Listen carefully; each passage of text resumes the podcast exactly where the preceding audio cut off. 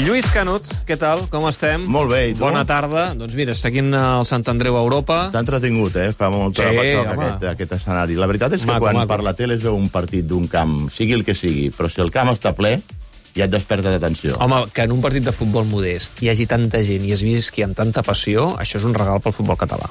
Home, indiscutiblement. Claríssimament. Però ell parla de, de... Bueno, és que estem parlant d'equips com, per exemple, l'Europa, que van jugar a la primera Lliga Espanyola, no? Correcte, són dels De la fundadors. primera divisió. Fundadors de la primera divisió, això mateix. Sí, sí.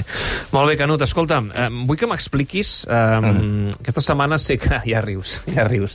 Aquesta setmana vas ser testimoni... D'entrada, deixa'm que et feliciti, perquè ha estat el teu aniversari. Va ser el dia del meu aniversari, quan... Moltes felicitats. Això va ser dimarts? Dilluns. Dilluns, i jo no et vaig felicitar, per cert, molt malament. Uh, però bé, moltes felicitats, encara que siguin diferents, perquè jo soc de felicitar els aniversaris cara a cara, per tant ho faig ara. Um, va ser testimoni d'una situació curiosa, si més no. Uh, justament a la setmana, tu en aquell moment no ho sabies, que Xavi ha anunciat que, que marxarà al Barça a final de temporada, uh, vas presenciar una trobada entre Koeman i Xavi Hernández. Explica'ns com va anar tot plegat. Bueno, una trobada absolutament casual, no?, perquè era Sí, sí. inesperada. No, no sabíem que en el restaurant on nosaltres estàvem celebrant doncs, el dia del meu aniversari amb un, amb un, un grup d'amics, doncs que allà també estava en un reservat doncs, Xavi Hernández amb la seva dona i amb Alejandro Echevarría. Mm, Koeman estava amb tu, el Ronald estava amb tu. Sí, sí, ell estava en el dinar que estàvem celebrant el meu aniversari i, i de sobte doncs, va aparèixer Xavi, no? Que us va veure, no? I suposo Sí, que no, li a feia més, gràcia a més poder saps, saludar... saps què passava? Que per, per sortir del local eh, forçosament havia de passar per davant on estàvem nosaltres i no, no, no és que ens, eh, ens, ens veiés allò, que ens vingués a buscar per saludar-nos, sinó que ens va trobar allò de cara i, i bueno, la veritat es va mostrar molt, molt amable, molt carinyós i tal, i va dir una frase que va ser, no sé si premonitòria o no, però va dir, Ronald, tu no sabes lo que me he acordado de ti estos días. Mm. I, què li va, I què li va dir el Ronald? Bueno, el Ronald li va treure ferro el tema, sobretot eh, doncs, recordant això que abans comentàveu en la tertúlia que manteníeu, doncs que, que el càrrec d'entrenador del Barça s'ha convertit en una mena de cadira, de cadira elèctrica, no? I que, i que passi qui passi per, per, per, per aquell lloc, pateix moltíssim, en, sobretot en l'aspecte emocional, en l'aspecte personal, i s'està convertint en un càrrec pràcticament insuportable de, de, de, de sostenir, no? Mm. Hem explicat avui, eh, per aquells que s'incorporin ara a l'antena de la Catalunya Ràdio el Tot Gira, que Xavi aquesta decisió ja la tenia eh, madurada fins i tot d'abans de la final de la Supercopa, però quan la pren fermament, és a dir, que quan arribem al 30 de juny marxarà del Barça, és just després de la final de la Supercopa. Ja sé que t'estic demanant allò, interpretar gestos i cares, però tu a Xavi el vas veure alliberat, conscient que això... Bueno, saps què, ja passa? saps què passa? Que veníem del context d'una victòria a Sevilla, no?, del camp del Betis, que Clar. havia estat allò... No havia passat Sant Mamés encara. Clar, ja estava, era una victòria reivindicativa, no? Do- do- Doncs que semblava que per fi l'equip agafava un altre, un altre rumb, el Xavi estava molt content del, del, del joc, a part, òbviament, de la victòria, però sí de les sensacions que havia després el partit i l'afiançament dels joves jugadors, que això és una cosa de la qual doncs, tant el Koeman com el Xavi es poden sentir molt orgullosos de la feina feta en aquest sentit i que s'hauria de valorar molt més que fins i tot algunes vegades que els propis resultats, no? El fet de que hi hagin entrenadors capaços de promocionar l'ascens de jugadors del filial o del planter a la primera, a la primera plantilla, com ha estat el cas de Koeman i com ha estat el cas de, de Xavi Hernández, no? I, i, i el vaig veure molt, molt distès, molt carinyós amb, amb la figura de Koeman i sobretot, doncs, eh, jo el vaig veure content, no sé si alliberat perquè, perquè havia pres aquesta decisió, si, no sé si en el dinar que ell havia tingut amb Alejandro Echevarría i la dona de, del Xavi doncs havien parlat d'aquest fet. En principi no. Pel que ens consta, no. Um, la primera notícia, diguem-ne, que té um, el propi Echeverria, la Porta i companyia, és ahir després del partit.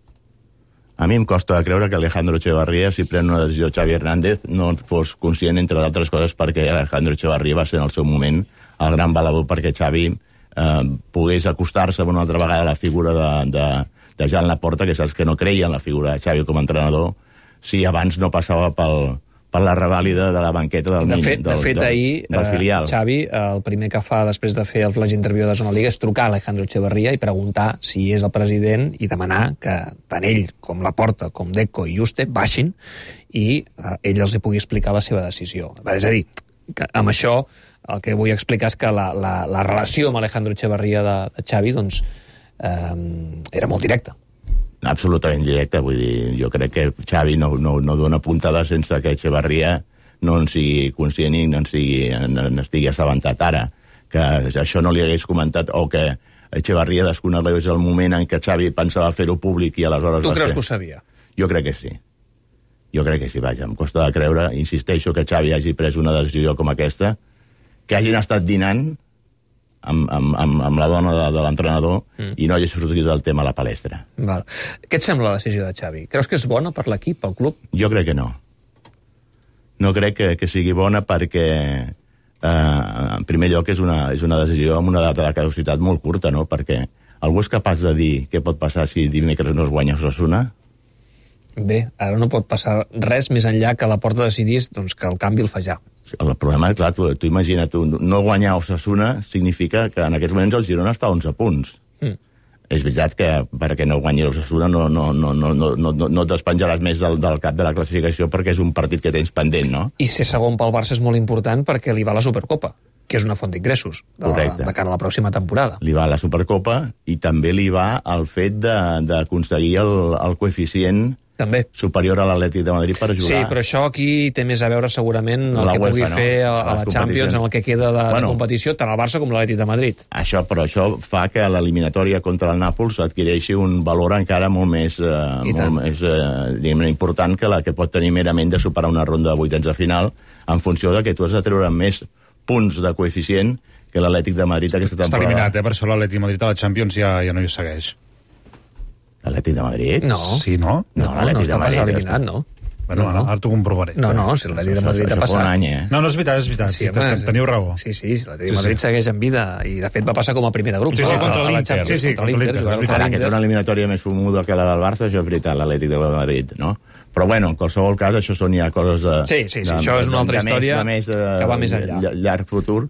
Jo crec que no és bo perquè, perquè eh, ja és prou conegut que cada vegada que un entrenador anuncia la seva data de caducitat a final de temporada o que posa termini al seu, al seu mandat en un club, els jugadors es destensen. Mm. Els jugadors, eh, això un dia m'ho deia Schuster, que mm, diu que els jugadors t'analitzen cada dia i, i, i t'escruten qualsevol moviment teu, qualsevol detall que, que puguis, eh, o qualsevol gest de la, de, del teu rostre, t'ho estan controlant absolutament i, i juguen amb la, diguem-ne, amb la, amb la diguem-ne, amb, el, amb el domini que pugui tenir el míster del vestidor, no?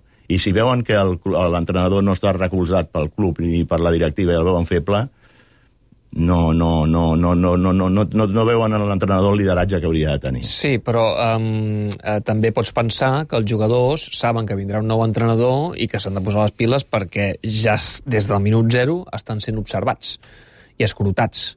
I aquest nou entrenador prendrà decisions que potser són contràries a la seva continuïtat.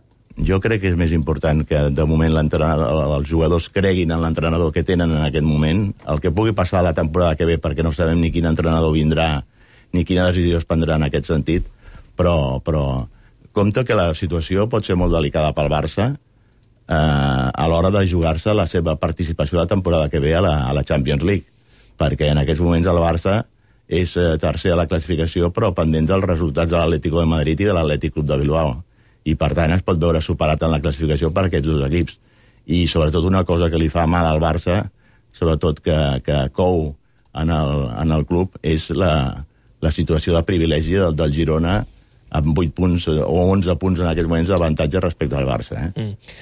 Bé, veurem si al final aquesta decisió és positiva o no pel Barça. Eh, ell està molt convençut d'aquesta decisió, insisteixo, la va prendre eh, ja en ferm després d'aquesta derrota a la final de la Supercopa contra el Madrid, però el que és evident és que estem davant d'una situació eh, atípica, una fórmula que no havíem vist fins ara, i el que demostra una vegada més és que la banqueta del Barça és, eh, el que deies tu, una cadira elèctrica. Eh, Bueno, és una, és una, una, una decisió que, en, en certa manera, també en el seu dia la van prendre, per exemple, Luis Enrique i Guardiola abans, no? Denunciar que deixaven el club un parell de mesos abans de fer-ho. Però, clar, la seva situació era completament diferent a la situació límit. era en positiu. Correcte. Era en positiu. I amb també, la va passar, I també la va passar a nivell de l'embola al Valero Rivera, que també va anunciar amb, amb dos o tres mesos d'antelació. Jürgen Klopp ho ha anunciat ara, Bueno, Jonathan Giraldez ho ha anunciat ara, també. Correcte, o sigui, no és una cosa nova El que passa que, diguem-ne, que... que...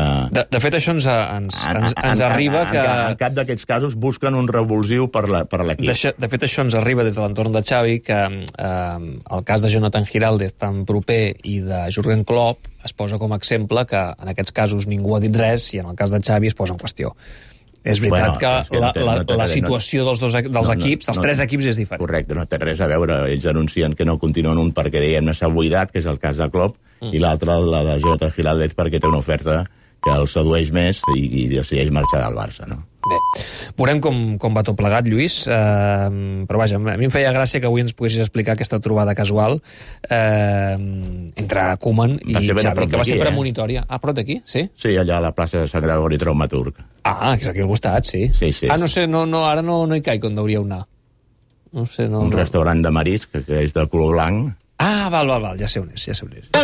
Ho has escrit Tens- avui a Mundo Deportivo, tens Lluís, bons- el nom, vull dir que se'l vols Ah, dir. sí, sí, Bueno, bueno, No, no el pots dir, eh? Vull dir. El Mundo Deportivo és una empresa privada i aquesta és pública i aleshores... algú Tens dirà- bons gustos, tens bons Ja, gustos, i, algú Canut. dirà, I algú dirà que... Pagaves tu o no?